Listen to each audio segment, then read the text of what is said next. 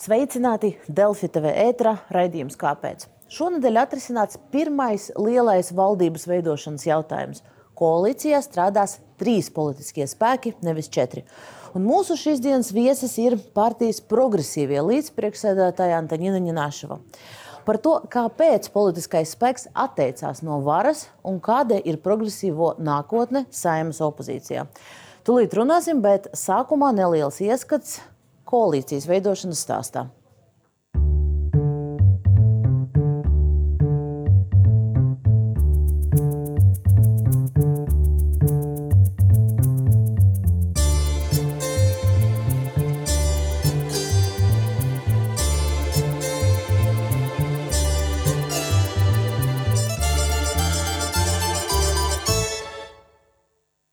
14. saimā ievēlēti septiņi politiskie spēki. Uzreiz pēc vēlēšanu rezultātu apkopošanas iniciatīvu valdības veidošanā uzņēmās jaunā vienotība. Tā šajās vēlēšanās ieguva lielāko vēlētāju atbalstu. Uz koalīcijas veidošanas sarunām jaunā vienotība aicināja trīs partnerus pašreizējās koalīcijas partneri Nacionālā apvienība, kā arī divus politiskos spēkus, kuri saimā nosacīta būs jaunpienācēji apvienoto sarakstu un progresīvos. Gan Nacionālā apvienība, gan apvienotais saraksts jau sākotnēji uzstāja, ka valdība jāveido trīs partneriem, bez progresīvajiem, jo ar viņiem pastāvot neparvaramas ideoloģiskās pretrunas. Tas gan netraucē visiem sastrādāties koalīcijā Rīgas domē. Nacionālā apvienība un apvienotais saraksts arī neatsaucās progresīvu aicinājumiem tikties divpusējās sarunās, lai izrunātu kopīgos jautājumus. Jaunā vienotība trīs nedēļas turpināja divpusējas sarunas ar visiem trīs spēkiem. Taču saprotot, ka četru partneru koalīcija nebūs iespējama, jaunā vienotība 24. oktobrī progresīvajiem piedāvāja atsevišķu vienošanos. Tā paredzēja progresīvajiem uzticēt vienu no ministrijām, par kuru būtu atbildīgā jaunā vienotība. Progresīvie šo piedāvājumu noraidīja un izvēlējās 14. saimā strādāt opozīcijā. Rezultātā jaunā valdība veidos trīs spēki - jaunā vienotība, apvienotais saraksts un Nacionālā apvienība. 14. saima uz pirmo sēdi sanāks 1. novembrī. Antonina Ņanašava, laipni lūgta, kāpēc ēterā? Labdien! Mēs sāksim ar koalīcijas sarunu rezultātiem un secinājumiem no tām.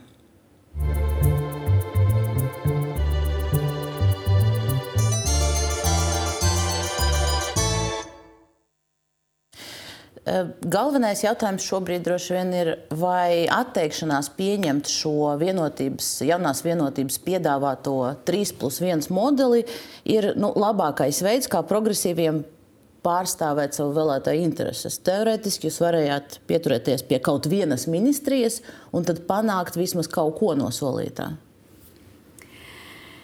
Um, ja tas tā būtu, tad droši vien mēs. Uh izskatīt šādu versiju, lai tiešām būtu iespēja pārstāvēt savu vēlētāju. Bet, diemžēl tā nav, jo mēs no paša sakta gala esam pateikuši, ka vai nu mēs varam pārstāvēt mūsu vēlētāju intereses un vispār plašākas sabiedrības intereses kā pilnvērtīgs koalīcijas partneris, vai tad kā pilnvērtīgs opozīcijas. Un tas plus modelis mums no paša sākuma nebija pieņemams. Mēs to darījām zināmu gan jaunai vienotībai sarunās, gan arī īstenībā prezidentam pašā pirmajā sarunā. Un, teiksim, tas piedāvājums arī, kuru, kurš izskanēja teikt, pēdējā brīdī par kaut vienu ministriju, uh, Mēs arī nojaušam, kura tā potenciāli būtu. Tā ministrija, kuras, neeks, kura kuras, ne, kuras, kuras neeksistē. Tad vidas un, jā, klimata, un klimata. Jā. jā, ministrija, kuras potenciāli tas, neeksistē. Tas tika bet... jums skaidri pateikts? Vai? Nē, nē, nē. Nu, tas tā kā starp. Starp rindiņām. Nu tā. bet, jā, tas, tas, tas ir tā ministrijā bija tā kā uz galda, bet, kā mēs vairāk kārt minējām, mēs nekādus amatus neesam dalījuši, neesam runājuši par šiem konkrēti. Bet, nu, uh, no tā piedāvājuma aptuveni to var nojaust. Bet, Attiecīgi, tas piedāvājums pēc būtības, vismaz, ko nozīmē tas plusiņš vai, vai tā, tā puskāja, neatgriežamies pie galdiem, protams. Bet, uh, tas nozīmē, ka mēs uzņemamies lielu atbildību par valdības lēmumiem, bet mēs nepiedalāmies tajā lēmumu pieņemšanā. Attiecīgi, mums nav. Nu jā, ir, visa, ir visa atbildība, nav ietekmes.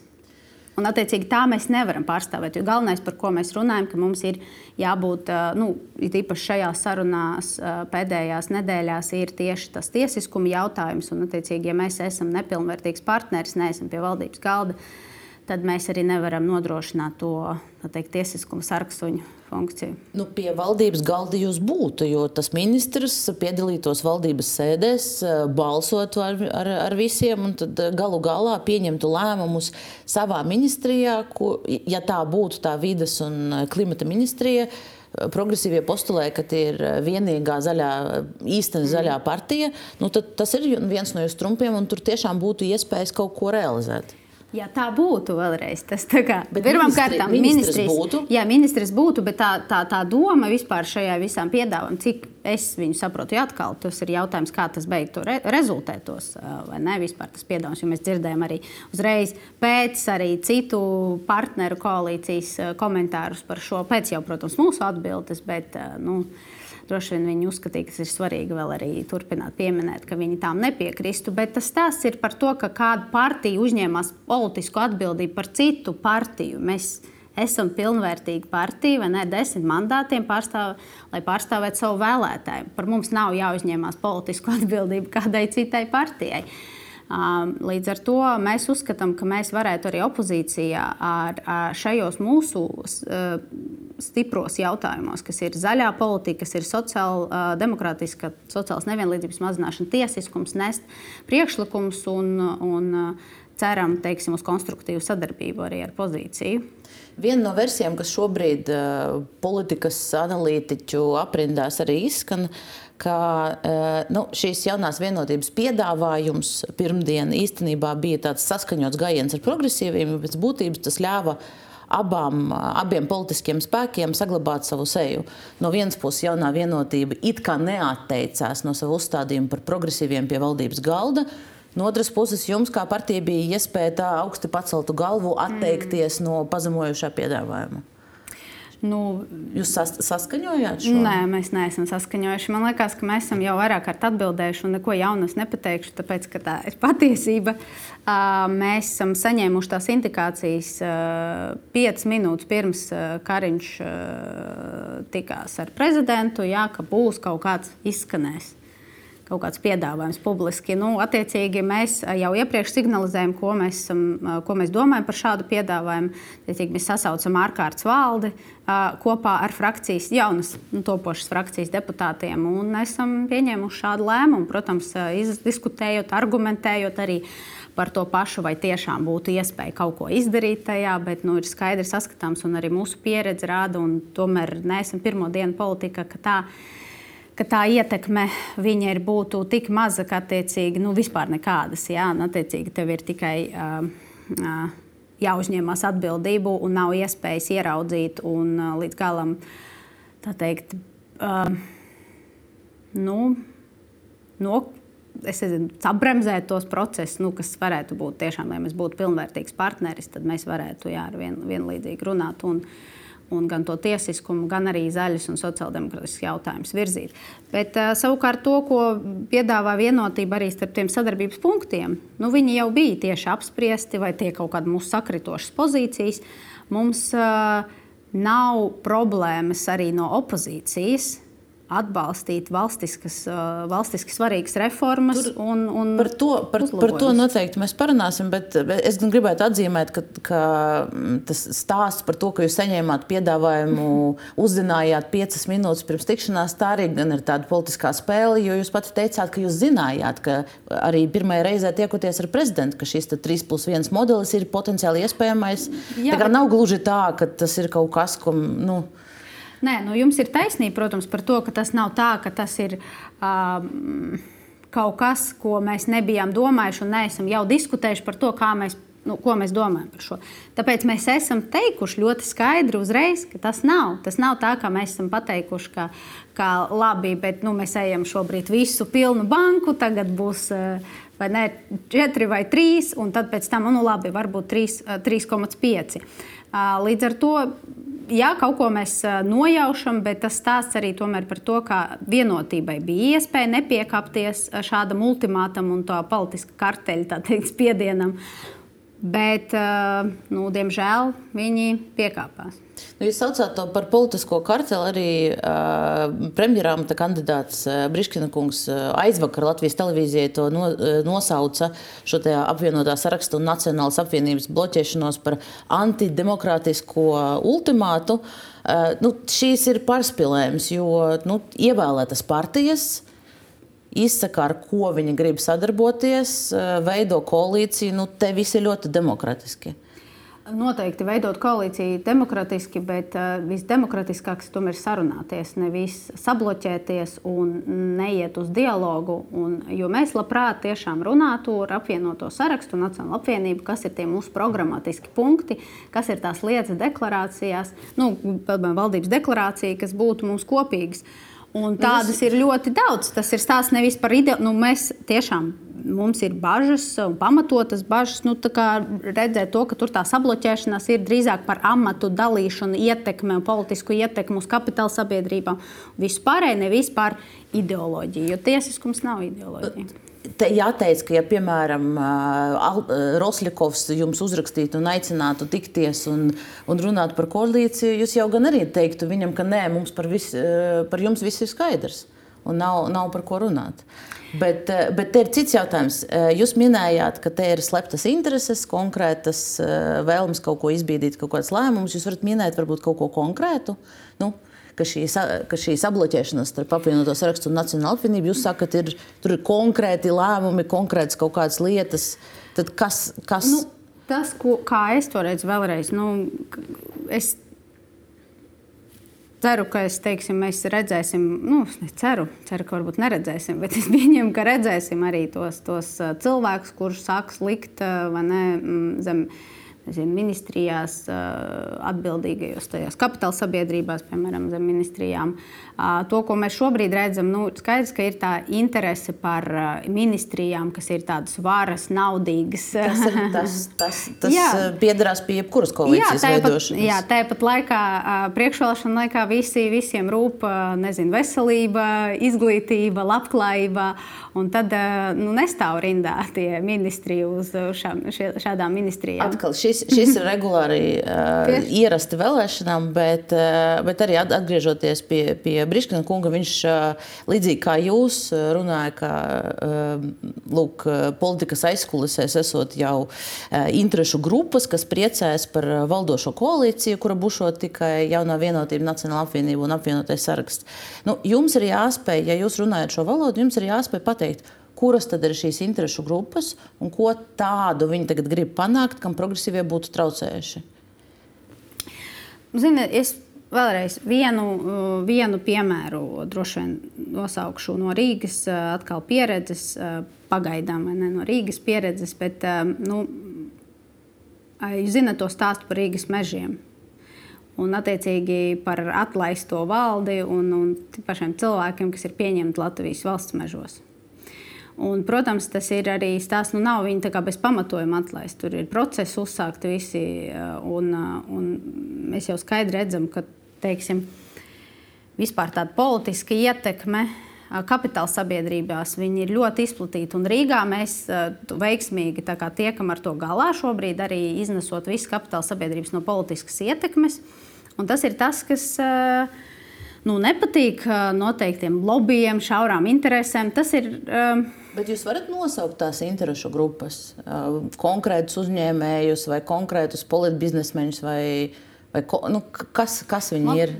Man liekas, ka to labāk, lai nosauc žurnālisti un Bet kāpēc kolēģi. Jūs nevarat nosaukt? Nu, es būšu pārliecināta, tad, kad par konkrētiem vārdiem es nosaukšu. Noteikti. Bet, ja jūs tagad sakat, ka šīs interesu grupas, kurām ir interese par kapitāla sabiedrībām, ka tās traucē progresīvo nonākšanai koalīcijā, tad nu, jums ir jāspēj nosaukt, kas tie es, ir un kādā veidā jūs ar viņiem cīnītos. Jā, es neteikšu tā, ka traucē interesu grupas nonākt. Es teikšu, drīzāk, tā, kā es arī teicu, mums ir bažas par to, ka tā vēlme nesadarboties, viņa nav uh, bazēta teiksim, kaut kādās ideoloģiskās atšķirībās. Bet viņi ir drīzāk bazēti tā, kā mēs noteikti neļautu, vai mēs vienmēr iestātos par caurspīdīgiem konkursiem, par, par profesionālu kapitāla sabiedrības pārvaldību, piemēram, to, ko mēs esam likuši arī uz sarunu galda ar jauno vienotību, arī par kapitāla sabiedrību iznešanu. Tā kā vispār no politiskas atbildības, līdz ar to ar mazāku iespēju politiķiem likt teikt, savus cilvēkus. Jo mūsuprāt, tas būs daudz labāk visai sabiedrībai. Mums nekāda progresīvais nevar atrast, kur mēs esam kādu likuši savu cilvēku vēl kaut kas. Jo tas ir stāsts par to, ka ja mēs labāk atlasām profesionālā komandu, tad tas ir strādā visas sabiedrības labā interesēs. Un, nu, es būšu gatava nosaukt kaut kādus uzvārdus. Jūs zināt, uzvārdus vienkārši tagad studijā nesaucat? Mm, nē, nu man ir dažādi, dažādi uzvārdi šobrīd padomā, bet es nezinu, vai es varēšu tā detalizēti tur aiziet šajā diskusijā. Nu, jo šīs pagaidām, jo tas, tas vēstījums, ar kuru progresīvie nāk, ir atklāta politika, skaidrā valoda, cīņa ar korupciju, un kad mēs nonākam pie pie detaļām, pie, pie tiešām kaut kādu jūsuprāt koruptīvo mm. schēmu nosaukšanas, nu tad, tad tā skaidra valoda pazūd. Mēs nedzirdam, ne, par ko ir runa. Es, es piekrītu, ka teiksim, konkrētas lietas, vēlreiz konkrēti saku par Rīgas mežiem, tas ir. Tās ir pagājis. Jā, nu, bet nu, nē, nav pagājis. Riskiem. Tas ir valsts, Latvijas valsts mežos šobrīd. Kā nu, tā var būt? Izlemts, mēs jau runājam par nākotni. Nē, bet nu, tas ir nu, kādā ziņā izlemts. Vai tas nozīmē, ka tās valdes nemainās, ka tā pārvaldība nemainās, ka mēs atstājam visu kā ir? Un jautājums, protams, piemēram, par topošo projektu, vai mēs esam pārliecināti, un tas tur ir. Tāpēc mums ir daudz jautājumu, vai mēs esam pārliecināti, ka tas topošais jaunais projekts. Ne, viņš būs ar, ar, ar teiksim, kvalitatīvi izpildīts, nu, piemēram, ar tiem beigām parkiem ne, un to divu kapitāla sabiedrību. Uh, tādu apvienošanos. Uh, un arī nu, tur tas šauras lobbyis, nu, labi, ļoti konkrēts piemērs atkal no, noticis, bet vai tas tiks atcelts vai nē? Azartspēļu lobbyja rezultātā Rīgas teritoriālais plāna atcelšana. Tur ļoti skaidri uh, skaidri esam teikuši, redzējuši un joprojām redzam. Nu, tas nu, ir stāsts par partija, to, kas... kur, kur, kurai tiek piedēvēts šis lobbyis eh, jaunajā valdībā, nav. Mēs runājam par attīstībai par. Un Staķakungs eh, Latvijas radio pagājušajā nedēļā teica, ka nu, esošie koalīcijas partneri, kas tagad veido koalīciju, viņam solījuši apstiprināt Nē, nu, Rīgas so, plānu, solījuši. kas aizliedz azartspēles. Tas ir to, ko mēs esam likuši arī uz galda runājot un prasot kolēģiem, vai viņi plāno tad attiecīgi atcelt šo ministra lēmumu, bet arī, piemēram, par um, koku ciršanu stāsts. Ja? Arī atnāca divi ministri, vai ne, uzspiež to, ka mums būs tagad, kuru ilgi, ilgi lobēja, lobēja nozara, protams. Un, Tas ir stāsts par to, vai tas ir par labu mums visiem un nākotnes ilgspējai attīstībai. Diez vai jautājums, kāpēc tas ir kādam izdevīgi. Eh, viens no, viens no tādiem, eh, jums pēc būtības kopš vēlēšanām bija tādi publiski divi skaļi paziņojumi. Viens par atteikšanos eh, iet 3 plus 1 modelī, un pirms tam nu, teiksim, tā sūdzēšanās par vietu saimā, kur, kura jums tika iedalīta, ka lūk, jūs saima sēž zālē, jūs frakcija atradīsiet ne tur, kur jūs esat gribējuši. Jautājums, ko tas tiešām maina? Kāpēc? Jo šis tika interpretēts, ka tāda, nu, nu, mazliet nenopietna tāda sudzēšanās. Mm. Nu, jā, bet tā jau nav sudzēšanās par vietām. Tas nav, un tas nav par to sēdēšanas vietu pēc būtības. Tas tā sūdzēšanās. Un, Es pat teikšu, nevis sūdzēšanās, bet tāds izbrīns par, par to tiem demokrātiskiem procesiem un to sarunu kultūru, kas notiek tad, kad, tad, kad par šo iet runa. Un par to, ka mēs redzējām pirmo reizi, jau, un es domāju, ne pēdējā reize, kad sabloķējās apvienotais saraksts NA ZZS un Šlesera partija. Nu, tā, tā ir tā diskusija. Tas ir tas stāsts. Nav par, un arī par to, ka kā mēs diskutējam, kā mēs politiski, jā, visi ievēlēti, katrs ar savu vēlētāju, katrs ar savu pārstāvniecību, bet kā mēs sarunājamies savā starpā un ar kādiem argumentiem vai pamatojumiem mēs pieņemam kaut kādu lēmumu. Tas ir joprojām tas, kāpēc var aizbildināties ar kaut kādu tradīciju, neizskaidrojot. Vispār nevar, nevar pamatot, kas ir tā tradīcija. Man, man gan izklausījās, ka, ka tas īstais pamatojums bija nevēlēšanās, lai televīzijas kamerās jūs tur tajā grupā esat kopā kopā ar Oslikovu un, un Šlesaru vienā kadrā, nevis, nevis ar koalīcijas partijām. Tas bija par to, kā izskatīsies drīzāk. Mums tieši Jā, no Nē, nu, tā vēlme, tas, tas divas dažādas lietas. Viena ir tā vēlme, kur mēs gribētu sēdēt. Otra ir tā, kā tā diskusija notika. Protams, ka mēs varam pieņemt tā teikt, tādu kopīgu lēmumu, ko esam pieņēmuši, bet, bet tas, protams, ir arī par to, kā mēs izskatāmies un arī kāpēc kāda pēc būtības. Nu, man joprojām nav tā skaidrs, kāda ir tā loģika. Tās loģikas tur nav. Nu, labi, Latvijas politikā kopumā šis sadalījums un kreiso, kreiso labējo spektrs ir nosacīts bieži vien. Bet tas ir Bet... arī to, ko mēs gribētu nu, mainīt kaut kādā ziņā. Tas ir arī tāpēc, mēs esam dibinājuši arī partiju un skaidri definējam savu ideoloģiju. Un, protams, ir jautājumi, kuros tiešām visi varētu būt dažādā spektrā.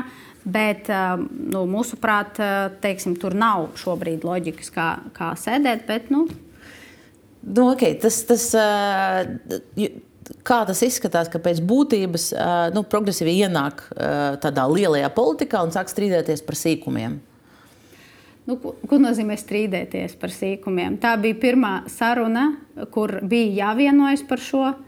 Mēs gribējām dzirdēt to argumentāciju un loģiku, kāpēc, piemēram, ja tā ir ideoloģiska, tad ok, saliekam ideoloģiski, ja tā ir kaut kāda izējot no koalīcijas, opozīcijas, tad arī. Uh, Bet, um, bet to, ko mēs novērojam, tiešām ir sabloķēšana starp četriem spēkiem. Tas ir tas, kas bija visinteresantākais, manuprāt, šajā sarunā. Mēs jau iesākam sarunu par darbu opozīcijā, un tad, tad varēsim arī to turpināt.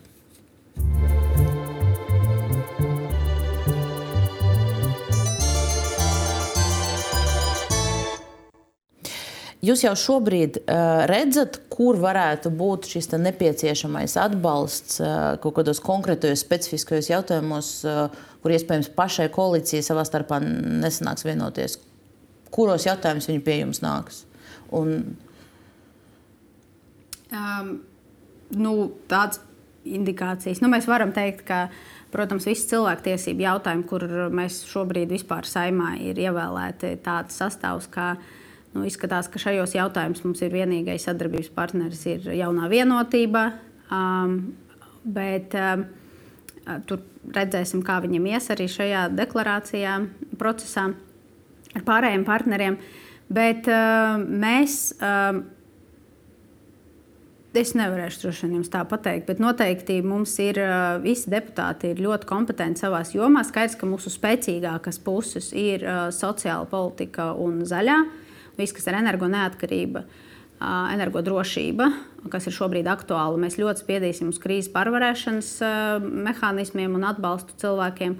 Un, ja tur teiksim, būs kaut kādas domstarpības, kā tieši atbalsta, neatbalsta, nu, mēs esam gatavi sadarboties un sarunāties. Nu, šobrīd viens no tādiem nu, strīdīgiem iespējams jautājumiem ir veids, kā atrisināt satversmes tiesas spriedumu, mm. kas paredz aizsardzību vienzimumu ģimenēm.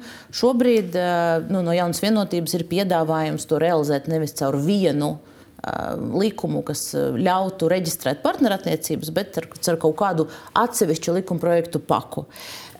Nu, šīs nav tas, ko cilvēktiesību aizstāvīja sludina par pareizo jautājumu, vai ja pie jums, jo, ja starp tiem 54 deputātiem, kas koalīcija ir, pat šāds risinājums nebūs visiem pieņemams, un tas iespējams arī mm. starp Nacionālās apvienības deputātiem būs tādi, kas arī šo nepieņems, tad vai jūs tad atbalstīsiet šādu? Eh, nu, pussoli pēc būtības, ja mēs skatāmies uz spriedumu? Nu, es uh, nevaru tagad paredzēt, kas būs, protams, bet uh, no bet mūsu puses. Ja šis nebūs jā, viens nē. likums, bet vai, ja, ja šīs būs atsevišķas kaut kādas ja tas, tiesības, ja tas uzlabo tiesības cilvēkiem, kuriem šobrīd ir ļoti ierobežotas tiesības, un, un satversmes tiesas spriedumu tas kaut kādā veidā tomēr izpilda, tad, protams, mēs. Uh, šo atbalstīsim. Jo kāda ir tad, nu, mēs vēlreiz mēs nebūsim teikuši opozīcija, kas kaut ko neatbalsta dēļ tā, ka viņi ir opozīcija. Mēs atbalstīsim visus uh, teikt, sakarīgus priekšlikumus, ir īpaši šajā jomā, kur mūsuprāt ir ļoti svarīgi virzīties. Protams, mēs aicināsim un noteikti darīsim visu, bet lai būtu šajā... pieņemti arī lielāki soļi uz priekšu šajā jautājumā, bet, ja bet mēs atbal... apzināmies to realitāti. Bet, ja jūs atbalstīsiet šādu piedāvājumu, tad saimas līmenī tiks uzskatīts, ka jā, satversmes tiesas spriedums ir izpildīts. Tātad tālāk panākt jums, jūsu vēlētājiem, solīto par uh, kopējo to uh, vienzīmju ģimeņu aizsardzību būs grūtāk. Nu, mēs redzēsim, tiešām, kā, tāpēc es saku, es nevaru pateikt, kā tas īsti būs. Tur ir jāredz konkrēts piedāvājums, vai tas tiešām uh, labo kaut ko, vai tas tikai kosmetiski tā, lai satversmes tiesa tā teikt, eh, mūs vairs nepiesienās. Ja? Tā kā mēs salabosim, bet eh, mēs arī konsultēsimies visvairāk ar, ar sadarbības partneriem, kas ir arī kopienas pārstāvji, kas ir organizācijas, kā viņu prāt vislabāk šo risināt. Mēs skaidri iestājāmies par eh, arī viendzimumu pāru, arī laulības iespējām. Ja? Vien, laulību vienlīdzību. Līdz ar to mēs turpināsim šajā jautājumā strādāt un vienmēr celt šo jautājumu un nest priekšlikumus. Un iespējams, ka arī no tiem, kas tiks atnesti no koalīcijas, mēs varēsim arī izlabot kādus priekšlikumus tā, lai viņi tiešām strādātu. Bet Ne, nevaru pagaidām. Nu, ar desmit balsīm diez vai tur kāds par jūsu, par jūsu priekšlikumiem, it īpaši šie koalīcija būs, būs pret tiem, bet, bet uh, jūsu uh, paziņojums par, par um, aiziešanu opozīcijā, jūs minējāt, tur un es citēšu, progresīvie apņemas opozīcijas darbā pildīt demokrātijas sarksuņu uzdevumu. Uh, nu, kā tieši jūs to realizēsiet? Ko jūs darīsiet tādu, ko līdz šim opozīcijas partijas Latvijā nav darījušas? Man interesē konkrēti, konkrētas metodas, konkrētie soļi. Nu, kā mēs esam teikuši, mums ir bērnu kabinets, kas joprojām darbojas, kas mājā nodibināts. Un, nu, nodibināts, izveidots ar ne tikai tiem, kas ievēlēti deputāti, bet, protams, tie, kas arī nav ievēlēti, bet ir savas jomas, noze, nu, jomas profesionāļi. Mēs to varam darīt, manuprāt, un mums ir jāmaina tos opozīcijas kultūru par to, ka tu pēc iespējas, protams, seko. Nav Skaidrs, ka nevar sekot visam pilnīgi, bet nu, savā prioritārajās nozares, piemēram, tiesiskuma jautājumos, skatoties visu laiku, kā tie procesi notiek, un tad attiecīgi gan to celt augšā, gan īpaši piedāvāt priekšlikumus, kā to labot. Un, un, un, protams, Mēs arī saprotam, apzināmies, ko nozīmē pieņemt opozīcijas priekšlikumu. Bet mēs nebūsim greizsirdīgi arī par to, ja tas priekšlikums tiešām kvalitatīvi izstrādāts un viņu noraidēļ tā, ka mēs vienkārši esam opozīcija. Tad mēs ļoti labi zinām, ka pēc kaut kāda laika viņš arī var droši parādīties kā pozīcijas priekšlikums un tad viņš tiks atbalstīts. Tā arī ir uh, iespēja. Protams, meklēsim visus tos sadarbības uh, iespējamos veidus, lai panāktu šos uzlabojumus un nekritizēt kritikas pēc, nekliegt kliekšanas pēc, bet tikai uh, saturiski un konstruktīvi.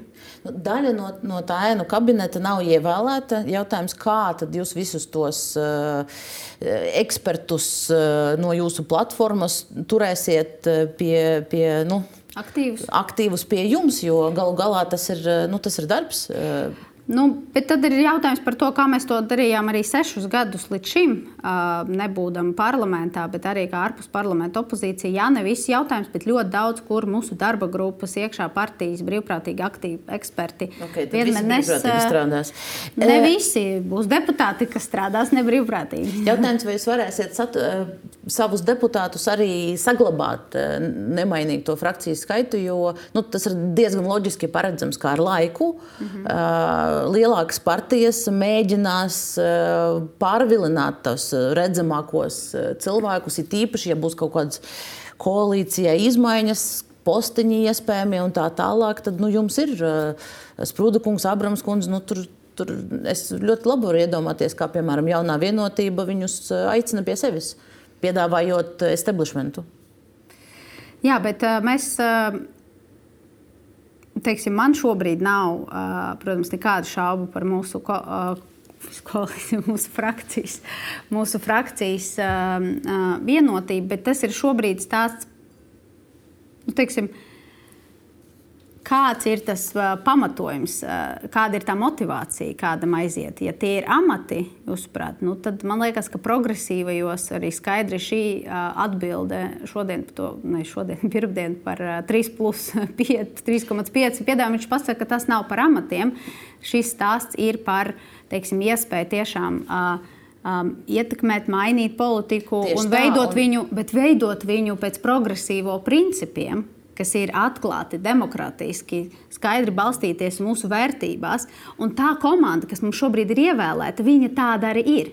Un, Beigās jau bija, ka koalīcijas, koalīcijas sarunās gan jaunā vienotība, gan progresīvie diezgan skaļi runāja par to, ka mūsu vērtības sakrīt un mēs jā. esam visi par, pret korupciju. Es ļoti labi varu iedomāties, kā kāds aizejošais, kāds no politiķiem, kas vēlās pamest progresīvo frakciju un aiziet pie, pie citiem, arī to pasaka. Jā, es saskatīju, ka savus solījumus es varu tur realizēt. Jā, bet mums uh, kaut ko līdzīgu ir uh, teikuši arī pirms uh, Rīgas domē. Mēs esam sākuši strādāt, ka jums ir vēl divi apgājuma aktivisti, kas nav parteiski, kas tā, bet nu, mēs domājam, ka tur gan jūs skaidri... esat koalīcijā. Tā ir tā atšķirība. Jā, bet esam tomēr skaidri, nu, bet arī tur koalīcijām tur mainījās sastāvs un aizējoši tieši cilvēki no koalīcijas, arī no citām frakcijām. Bet tas ir stāsts par to, kā uz kā balstās tā sadarbība un tā vienotība nu, pašai savai teiksim, frakcijai. Protams, šis ir, ir kaut kāda ziņā darbs. Lai ar, ar koalīciju strā, nu, tā, lai strādātu kā vienota frakcija. Bet nu, man nav šaubu ne par, protams, īpaši par mūsu platformas cilvēkiem, kas, piemēram, skaidrīt vakar iestājās partijā, pieņēma valdes sēdē. Kungs vēl nav iestājies? Nu, gaida. Katram ir savs laiks.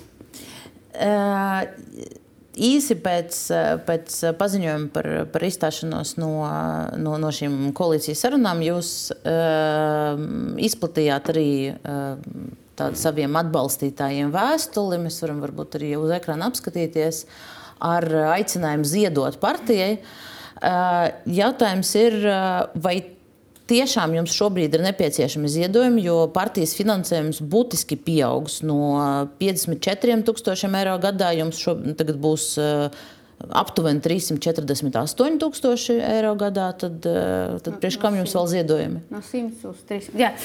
Uh, nē, nu. Vēlreiz, politika pašu rokām, viņa tiešām nu, tāda arī ir mums progresīvos visus sešus gadus, un tās kampaņas nesalīdzināmi. Jūs redzat tos, eh, protams, ciparus, cik mēs iztērējam kampaņai, bet tas ir tikai reklāmai. Mēs reklāmu netērējam. Protams, mēs tērējam kampaņas reklāmas materiāliem. Uh, mēs tērējam teikt, montāžai video. Nu, neviena partija to neuzrāda. Bet, bet, nē, nē, tieši tā, bet tas ir arī stāsts, ka mēs ļoti daudz tiešām visu, kas mums bija un visu, ko mēs varējām savākt, mēs esam iztērējuši kampaņā. Un tagad un, jums būs šī ievērojama summa? Jā, tā ievērojama summa būs no janvāra. Tas finansēšanas, valsts finansēšanas likums ir tāds, ka tev reizi pusgadā ieskaita to naudu. Bet ņemot vērā, ka mēs gājam tā kā uz pilno un šobrīd šobrīd, protams, pēc vēlēšanām kritās ziedojuma un biedru, skai, nu, biedru maksā, maksājumu skaits dabiski, tāpēc ka visi tā teikt, ca, safokusējas uz to priekšvēlēšanu laiku. Mums ir ļoti svarīgi arī šo gada, gada beigās, tā teikt, mūsu izmaksas un prasības šobrīd ir ļoti lielas. Arī par mūsu komunikāciju jau cita līmenī arī par, jā, bet nu, tāpat laikā mēs joprojām esam tajos resursos, kas mums ir. Tāpēc tas ir. Bet mums arī pēc tam mēs prasīsim ziedojumus un biedra naudas. Jo šī ir tā, tad, kad tu piedalies, tad, tad tev arī ir tāda dabiska vēlme prasīt arī no partijas. Un mēs gribam, lai cilvēki iesaistās vairāk politikā, līdz ar to ne tikai paļaujas uz valsts finansējumu vai kādu citu sponsoru, tīpaši finansējumu, bet tieši paši iesaistās. Un tas mazais ziedojums vai biedra nauda, viņi piesaista tev un vairāk. Nu, tā ir arī tāda daļa no tās demokrātiskās kultūras iesaistīt cilvēkus eh, partijas darbā. Kā jūs terēsiet to nu, nosacīt lielo naudu? T tie ir ievērojami līdzekļi vai Jūs, jūs kaut kā īpaši, vai tā būs nu, tur, nezinu, partiju birojas, glauns un tā tālāk, vai tur būs vēl kaut kādi, kaut kāds praktiski pielietojums? Nē, nu, kā mēs labi saprotam, ka kampaņai visvairāk ir vajadzīgi līdzekļi, bet arī starp kampaņām mēs, protams, plānosim nākamā gada budžetu, izējot no tā, kur mēs ilgtermiņa sevi redzam. Nu, kā partija mums ir ļoti svarīgi attīstīt reģionus.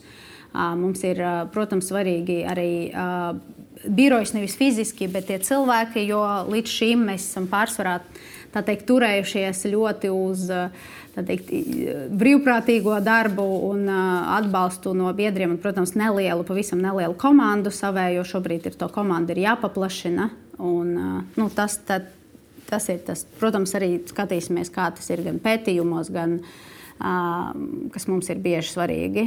Un, nu, redzēsim, nākamā gada plānosim budžetu. Būs, biedriem būs zināms, mēs parasti atklāti to darām. Runājot, runājot par komandu, šobrīd jau ir ievēlēts saimā Edgars Zelders, iepriekš Talsu novada domas deputāts. Ar viņu bija saistīts tāds nu, skandāls šovasar. Mēs varam noskatīties nelielu TV pakalni sižetu fragmentu un tad apspriedīsim. Izskatot jautājumu par ilgspējīgas vides attīstības komisijas izveidi, partijas mēs talsiem un novadam deputāts Edgars Zelders, piedaloties attālināti, izsaka pat draudus. Tā ir vienkārši nu, kaut kāds. Bolotovs kokteili te vajadzētu iemest Sandrai Klēpī. Tad man liekas, būtu kaut kas labāks. Bet nu, es nesaprotu, nu kā. Te vienkārši vēlreiz es atkārtoju. Man ir kandidāts. Es viņu varu nosaukt. Man viņu nosaukt. Kolēģi, izteiksim bez savstarpējiem draudiem. Jā, nu, tad tu, tu, tu iz, iztiec, jā, bet man ir jautājums, ko darīt? Jūs jau plaši skaidrojat kontekstu, kāpēc viņš to teica, bet uh, manai kolēģei Alinai Lastovskai pirms vēlēšanām uh, raidījuma ciklā Nākamais lūdzu, jūs teicat, ka ētikas komisija partijas šobrīd skata šo gadījumu. Nu, ir mēnesis pagājis jautājums, vai, vai, vai ir izskatīts?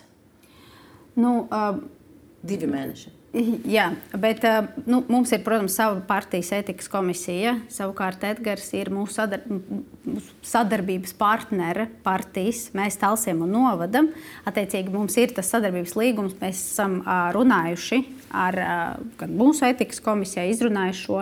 Un kāds un, bija vērt, vērtējums? Vērtējums bija par to, ka tāda, nu, pēc būtības tāda retorika nav pieņēmama, bet, bet nu, tas, tas arī bija tas, tas svarīgākais. Nevis tas ir Bet sods kaut kāds. Nu, ko, nozīmē, ko nozīmē sots? Vai mums uh, kādam negadās teikt, kaut ko skaļāk pateikt vai nekorektāk pateikt? Jo pēc... Publisks paziņojums arī nav bijis.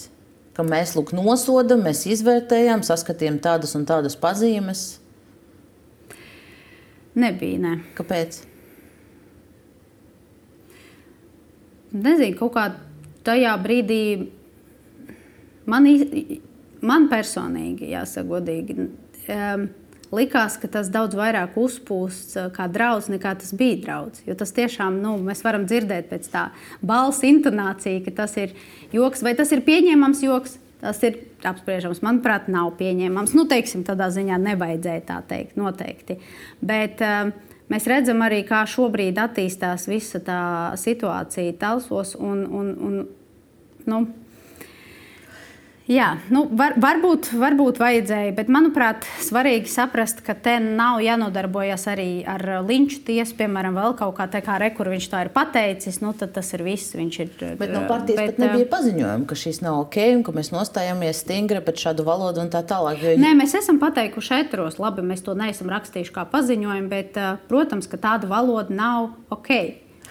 Bet, jo, bet, jo ja jūs uh, uzstājat, ka, nāk, ka, ka jūsu uh, ienākšana saimā atnes kaut kādu jaunu politiku, skaidrāku valodu un tā tālāk, un paši minējat, ka būsiet uh, demokrātijas sarksuņi, tad pagaidām nu, vismaz šīs gadījums pierāda, ka jūsu rīcība ir līdzīga kā citām partijām, ka tas saskarās ar, uh, ar kaut kādiem uh, nu, izteikumiem nepieņemamiem.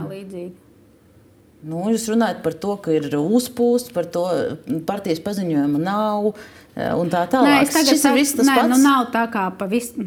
Nu, nu, mēs salīdzinām frāzi jā, ar to, ka uh, ir apvainoti korupcijā konkrēti ne, cilvēki, ir, ir, ir skandāli, ir bijis savu interesu vidīšana, likšana, par, par, par un tā mēs salīdzinām. Nē, nē, es runāju tieši par atbildību par retoriku, kad uh, mēs, es nedomāju, ka ir jēga tagad minēt konkrētus politiķus vai konkrētus deputātus, bet mēs zinām, ka jeb, jebkurā citā partijā kāds kaut ko izsakās neveikli, arī šajā studijā mēs par to bijām runājuši. Un tā, tā, tā retorika pēc būtības ir tāda pati kā jums. Nē, mēs, mēs no paša sākuma pateicam, un arī daudz, protams, Mūsu biedri to ir pateikuši publiski, mēs esam runājuši iekšēji. Tas ir svarīgi, lai partijā ir tās etikas komisijas, kur mēs varam šo izrunāt, saprast un, un, un tikt ar to galā. Vai par to ir jātaisa publiskie paziņojumi? Nu, nezinu, mēs publiski esam pateikuši, ka šāda retorika nav pieņemama. Es joprojām uzskatu, bet kāpēc es mīnu šo vārdu par uzpūšanu? Tāpēc, ka nu, mēs tiešām līdz galam nesaprotam vai neiedziļinamies, kas notiek, piemēram, tajos pašos talsos. Mums pašiem bija daudz interesantu un jaunu uzzināt.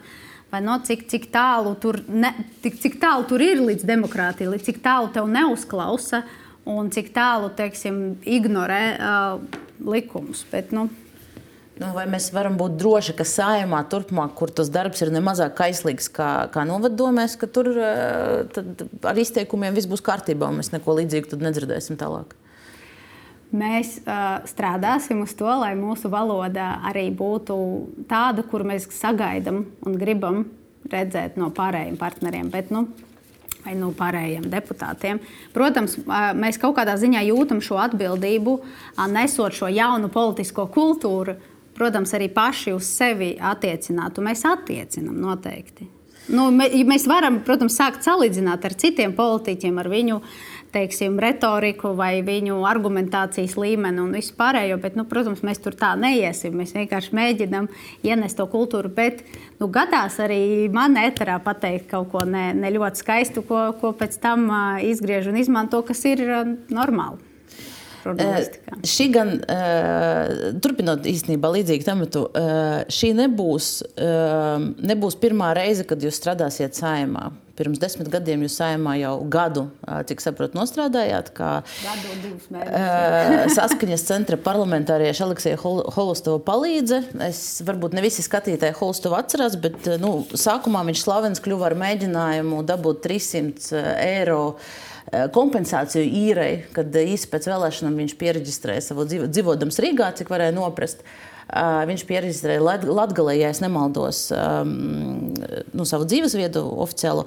Bet nu, viens spilgts moments no, no Holistova biogrāfijas un politiskās tās performances ir viens priekšvēlēšanu video ko viņš ierakstīja startējot desmitajā sējuma vēlēšanās. Mēs varam fragment noskatīties fragment.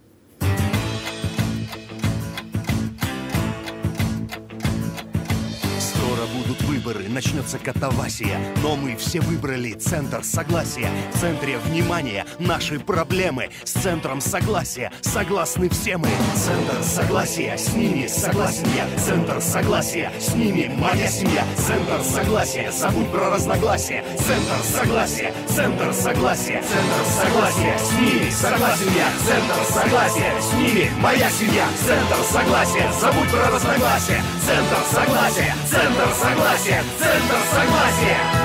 Центр согласия! Jūs eh, strādājāt pie vairākām eh, saskaņas centra priekšvēlēšanu kampaņām, pie šī arī?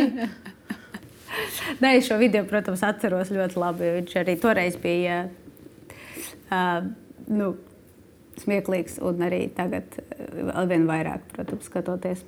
Bet, Bet jūs nu, strādājat arī pie nē, šīs kampaņas, nē. vai ne? Uh, pie šīs kampaņas, nē. Ehm, tā ir Alekseja. Nu, Alekseja bija ļoti daudz. Kaut gan. Jā, vēl jāsaka, godīgi, jā, jāatcerās. Bet uh, es šo video, protams, atceros, kā viņu, kā viņu uztaisīja, kā palaida. Es atceros arī savu domu toreiz par šo, ka tas, to, tas nav gaumīgi. Pārvēlēts viņš tika. Uh, jā, bet, tas bija interesanti. Viņš tika īstenībā iekšā ar mīksto mandātu sākumā, un tad, man liekas, tad viņš arī taisīja to kampaņu. Jūs, bet, um, jā. jūs pati arī intervijā ar citiem kolēģiem uh, nu, runājāt par to, ka jūs uh, strādājāt pie vairākām saskaņas centra priekšvēlēšanu kampaņām. Uh, jautājums, nu, kāpēc jums šķita, ka tai partijai ir jātiek pārvēlētai? Galā ziņā vairākam eh, tā, nu, sāksim ar to, ka tas sākās kaut kur 2006. gads. Ehm, tā strādāšana ir tāds višķiņš skaļš vārds. Um, jo nu, sākumā, piedalījāties? Jā, jā, piedalījāmies kā, kaut kādā ziņā kā jauniešu organizācijas tur aktivisti. kas, nu jā, kas, kas piedalījās, vēroja procesu, teikt, kaut ko iegaumēja, kaut kur aktīvāk. Es, Bija brīdis, es teikšu, godīgi, kas bija kaut kāds nu, desmitais gads, kad man liekas, kad bija atlaista, nevis atlaista, bet beidzās viens, un tad sākās tā, tā jauna. Un tas ir vienīgais kā, posms, kad es aktīvi uh, biju. Uh, tas ir tas jā, desmitais gads, uh, kad es uh, piedalījos tajā vēlēšanu kampaņā. Ne, ne kā pati kandidāte, bet kā, kā teiksim, aktīvisti. Vai, Un, jūs... un es toreiz vēl ticēju tam, ka saskaņai ir jābūt pārvēlētai ar domu, ka šī ir vienīgā tāda nu, potenciāli tāda sociāldemokrātiska partija, kas varētu saliedēt varbūt kaut kādā ziņā sabiedrību. Nu, tas, bija, tas, tas bija vēl tas brīdis, kad tādas cerības bija. Jo īstenībā Arī tad es sāku iepazīt arī citus uh, cilvēkus. Tad uh, sākām sadarboties ar, uh, vēl toreiz nebija jaunas vienotības, viņi vēl apvienojās, bija sabiedrība, cita politika, bija arī uh, nu jā, tās trīs partijas, jaunais laiks, jauniešu. Tad pamazām sāk iepazīt arī pārējās tik, politiskas partijas. Zatlera partija tieši parādījās tajā brīdī. Bija Bet... arī interesanta sadarbība ar viņu jauniešiem. Bet tā, tā, mm, teiksim, tā draudzēšanās vai ļoti pozitīva attieksme pret, pret Krieviju, pret vienoto Krieviju no saskaņas, puses, no saskaņas centra to laiku puses, tā jums netraucēja nu, vispār tur būt klāt? Un mēs runājam, protams, par režīmu. Tra nē, traucēja noteikti, bet tādā ziņā es arī nebiju. nebiju klāt. Teiksim, es kā jaunietis vēlējos teikt, redzēt tos procesus, saprast vai ne to politiku, jo es arī studēju tajā brīdī, nu, pirmos kaut kādus gadus vai ne politoloģiju. Un, un daudz kas traucēja. Jāsaka, godīgi, no 9. gada visvairāk arī bija. Nu, Nu, desmitajā gadā jau bija Grūzijas karš, Čečenijas karš jau bija, uh, Paļetkovskis, Timirvo bija jau nogalinātas. Tur ir virkne problēmu, ja mēs pat to varam nosaukt. Bet Jā. jūs turpinājāt nu, ar savu aktīvu līdzdalību palīdzēt tai partijai tikt uz priekšu un tikt pārvēlētai. Nu, sāksim ar to, ka tā aktīva līdzdalība bija ļoti ierobežota laiku. Man droši vien vajadzēja to laiku, lai saprastu, kas īsti notiek, lai pēc tam citu politiku veidot un iet, mācīties tālāk, pēc tam dibināt progresīvos, tādu veidot citu veidu politiku, lai saprastu īsti, nu, kas notiek. Un jāsaka godīgi, ka man arī pašai nu, tas kļuva skaidrs tikai nu, pateicoties tam kaut kādam gadam, arī nostrādātam.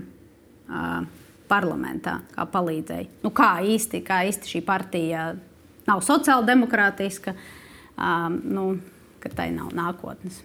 Bet aizējot no šī darba, jūs turpinājāt ļoti aktīvi strādāt Patrioti LV organizācija, kas bija saskaņas jauniešu, viens no jauniešu spārniem. Tur bija daudz jauniešu, visādu uh, kustību. Tas jāskaidro.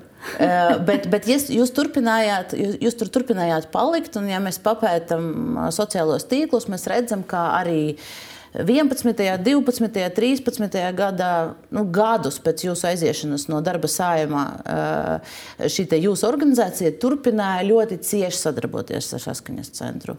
Tur bija gan kopīgas lekcijas, gan nāca uz pie jauniešiem tikai un vienīgi saskaņas centra politiķi. Nu, tur ilgi es varu stāstīt, jūs noteikti zinat to visu, to visu aktivitāti. Es neteiktu, ka tur bija. Es godīgi teikšu, no 11. gada kad tās vēlēšanas notika, nu, notika tās ārkārtas vēlēšanas, vēl, vēlēšanas, ar to nu, tā sadarbība ir beigusies. Nu, vismaz no manas puses ļoti izteikti. Bet nu, nav, un, nav beigusies. Jūs turpinājāt, turpinājās piketi no. no jā, bet pat, patri, un, tie, un, un tie jā. piketi, kā jau tas bieži vien ir noticis ar saskaņu tajā laikā, kurai bija izveidota diezgan sazrota struktūra ar dažādām nevalstiskām organizācijām, kas eh, nu, pēc būtības atbalsoja to saskaņas narratīvu, tad arī tā tie piketi bija nu, pēc būtības par to pašu, par ko tajā brīdī runāja saskaņa. Nu, tas varētu būt tā, ka jā, tie, tās tēmas bija tas, kas mums bija sapīgs. Tur nezinu, nodokļu izmaiņas, vai, vai es atceros, um, jā, nu, tur kaut kādas. Labi, tagad pat neatcerēšos. Bet, bet Holistovs, Holistovs turpināja to vadīt. Tur bija vēl Nē, Mitrofons. nē, Mitrofons nu, ko- vēl arī bija, nē, kas ir saskaņas nē. centra Jā, cilvēks. Mitrofons bija līdz uh, brīdim, kad es arī atstāju uh, savu amatu, to kā vadītāju, uh, un uh, tad viņu. Labi, ka neparvēlēju par vadītāju. Bet um, tas stāsts ir par to, kā. Nu, labi, es mēģināšu atcerēties. Nav, ne, ne, ne, nebija žito. Bet um, ļoti svarīgi saprast to, kā Patriota LV un es to kā cilvēks, kurš tur ir bijis un veidojis, aktīvi darījis. Viņa nebija saskaņas jauniešu organizācija. Jo Okay, tad, kad mēs jūs pārtraukšu, Ne- pārtra... ne, es jūs ne. pārtraukšu, jā, mēs varam parādīt Holstova kunga mājaslapu. Un kunga- viņš, un viņš jā. te skaidri saka, ka Patriota tieši- LV ir saskaņas centra jaunatnes tieši tā. organizācija. Nu, tāpēc, tāpēc es jums tagad stāstu kā cilvēks, kas tur ir bijis, jo tas ir vēlreiz. Jo tad, kad es dzirdu šobrīd, ka Patriota LV ir bijuši saskaņas jaunieši, manā izpratnē, arī šobrīd, jau paiet tam desmit gadiem, viss uzreiz asociācijas ar, ar tām Ušakova neskaitāmām organizācijām, kaut kādām jauniešu kabatu, kas tur pie, pie pieminekļa ir gājuši, organizējuši vēl kaut ko pašu? Nē. Jums bija piketi, kas saskanēja ar saskaņas to, to vēstījumu, un jūs tos piketus organizējāt. Nē, mēs nedarījām to pašu. Es to varu simtprocentīgi apgalvot, tāpēc ka mums bija arī milzīgs konflikts ar, ar, ar to narratīvu, kas ir bijis no saskaņas. Mēs, nu, teiksim, vismaz es no savas puses, un vēl vairāk jauniešu manā organizācijā, toreiz mēs tieši apzināti gājam prom no tās sadarbības.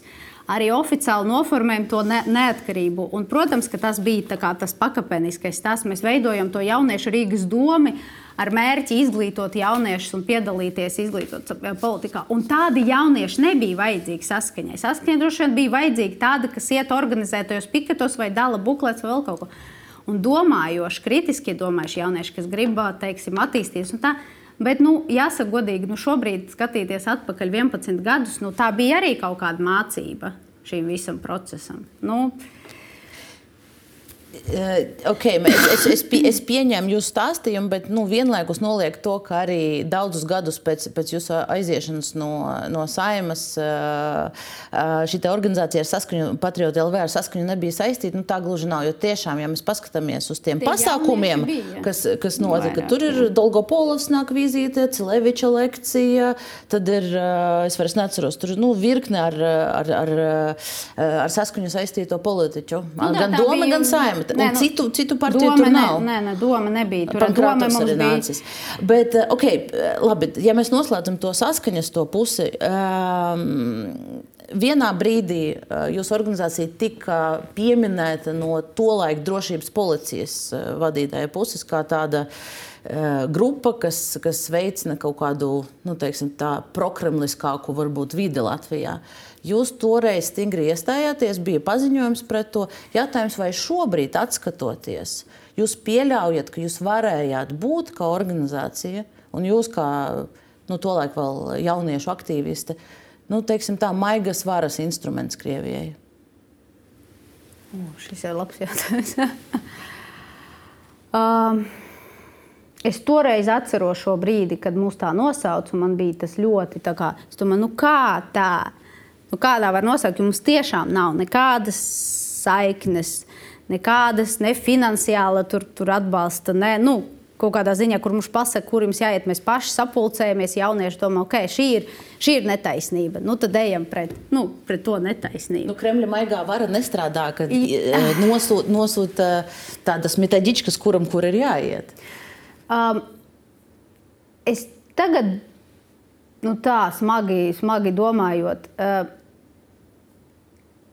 es domāju, mēs neaizgājām līdz tam, lai, lai būtu. Tāpēc, ka tieši tāpēc, pateicoties tam, ka tur bija tie atslēgas cilvēki, kas to redzēja kaut kādā brīdī, nu, teiksim, nezinu, mums tur piedāvāja visādus sadarbības līgumus, vai nu, tur, nezinu, braucam un satiekamies. Nu, nu, kā parasti tur krievvalod, krievvalodīgiem jauniešiem, vai mēs tieši apzināti sakām, nē, nu, teiksim, par ko jūs tas tas ir. Mēs esam patrioti LV, mēs gājām un mēs speciāli veidojam visus pasākumus, kas ir vērsti uz tādu patriotismu veicinošu tieši starp mazākumu tautību jauniešiem. Mēs gājām 11. mēs ieviesam to svinību 11.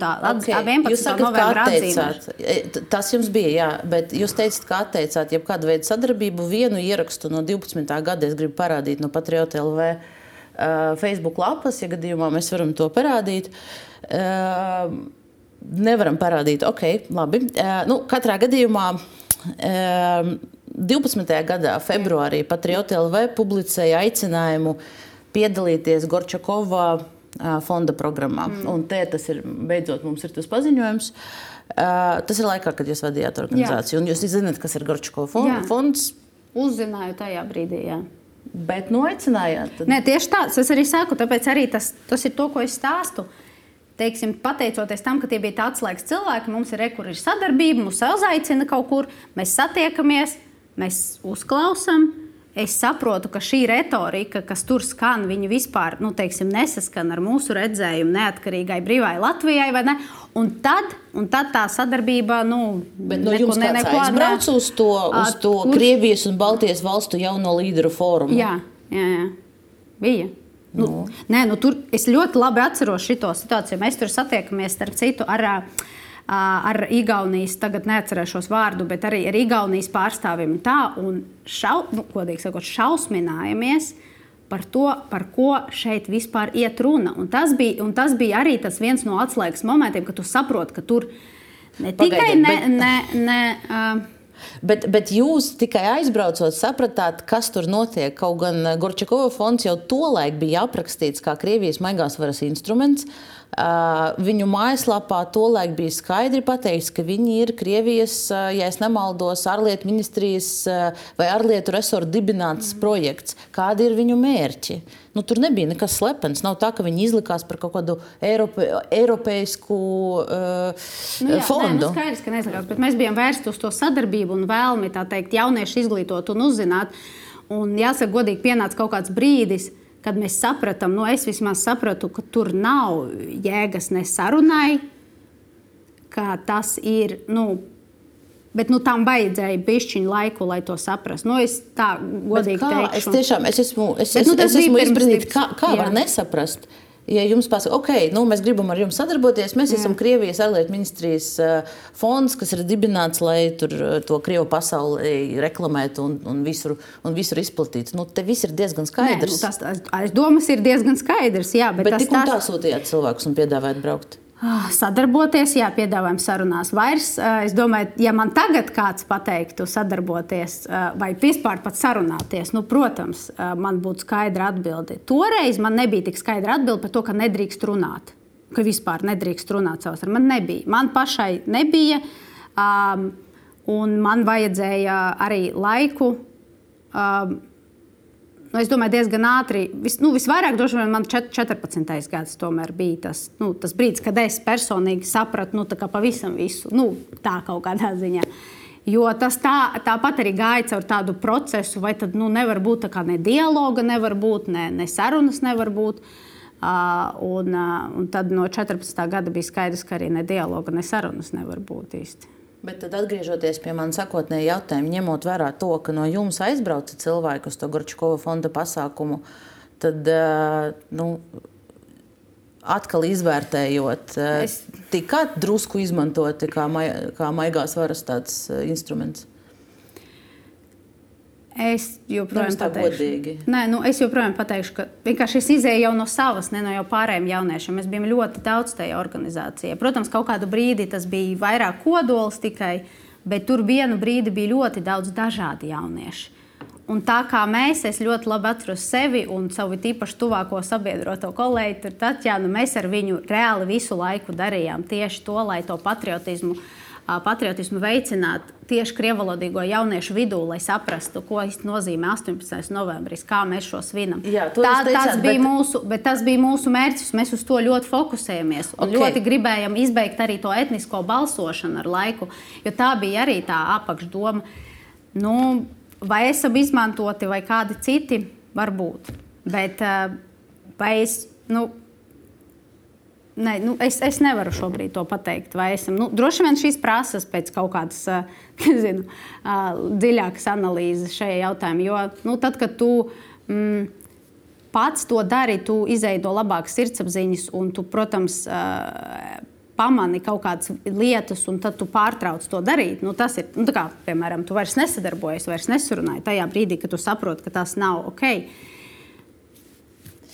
Šajā brīdī man jāatvadās no RTV skatītājiem, jo tur lineārajā televīzijā stunda mums ir iedalīta. Un, un tālāk, ilgāk mēs, diemžēl, nevarēsim diskutēt, bet Delfi TV studijā mēs turpināsim. Un, uh, es uzdošu jautājumu, jūs jau pieskarāties uh, jūs tā laika kolēģim uh, šajā organizācijā, Mitrofanam Slobodjanam, jo nu, uh, jūs ar viņu gadiem sadarbojaties. Tas ir cilvēks, kurš ir atzinis, ka viņš uh, saņem šo Gorčakovu fonda finansējumu. Mēs varam īsi paskatīties mm. no uh, Latvijas televīzijas, uh, manas pašas, pašas jāteic, veidoto sižetu, kur viņš ir runājis par ko, kam tad izmantots ties, tas finansējums tiek. Mēs diskutējam par 1905. gada revolūciju, par tā saucamo okupāciju. Krievija viss turas uz personiskam kontaktam. Ja tevi nevienas nezina, tad nu, ne, nekādas grantus nu, pat nav jēgas mēģināt dabūt. Nu, gadiem jūs strādājāt, nu, šī nav vienīgā izpausme. Viņš ir nu, diezgan, Jā, diezgan cieši. mikrofona viedoklim un arī nepiekrīt. Bet jūs ar viņu jau... gadiem tolaik sadarbojaties un neizstājāties no organizācijas. Diemžēl, jā. Kāpēc? Nu, viņam nebija arī nekādas vadošas tajā organizācijas pozīcijas. Līdz ar to mēs izglītojam arī viņu tā skaitā. Bet, nu, neveiksmīgi? Uh, nu, okay, nesanāca izglītot, bet, bet, uh, nu, bet šo visu kopumā ņemot, uh, teiksim tā, nu, vai, vai jūsuprāt, nu, kas tas bija no jūsu puses? Uh, nepietiekošas zināšanas, nepietiekoša iedziļināšanās, vai, vai kāpēc jūs tik dziļi tiekat, ies, tikat iesaistīti gan saskaņas centra darbā, gan pēc tam nu, dažādās tādās ar Krieviju saistītās aktivitātes, kā mēs tagad izrunājām, un, un, un cilvēkos? tik dziļi. Šis ir labs, eh, ka jau ja, it kā atbildi ietverti jautājumā. Nu, nav, nav tik dziļi. Jūs tur ir jāsaprot. Nē, nu, tur jāsaprot, nu, nav dziļi. Nu, tas ir periods jauniešu organizācija, tu pabeidz skolu.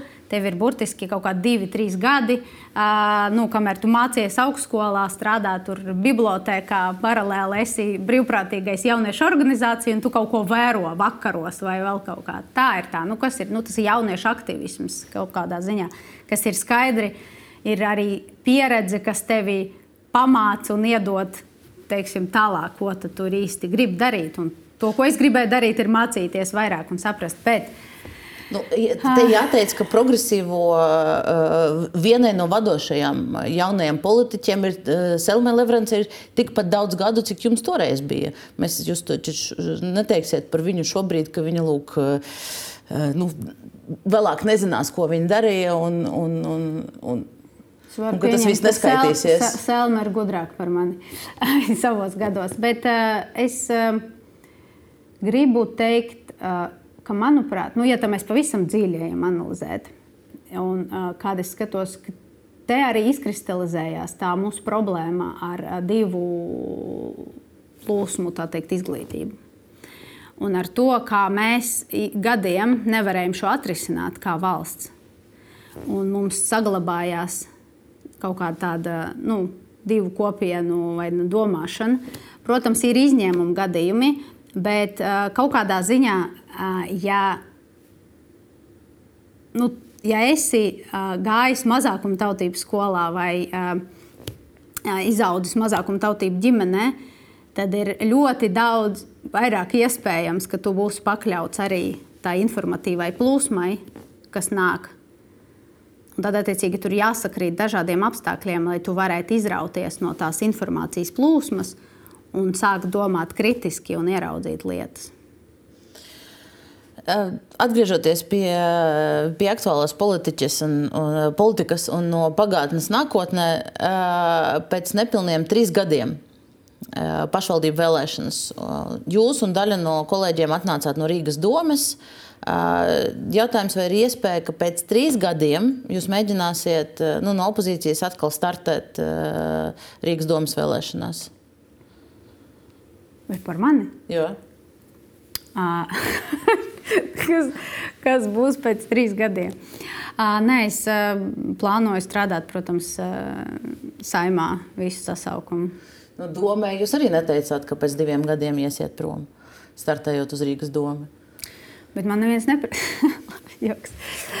Nē, um, jāsaka, godīgi, šīs bija dabi, nu, Tur bija tās ārkārtas vēl vēlēšanas, kuras, jāsaka, godīgi, bija ātrāk nekā, nekā mēs bijām, nu, kā bijām gatavi arī.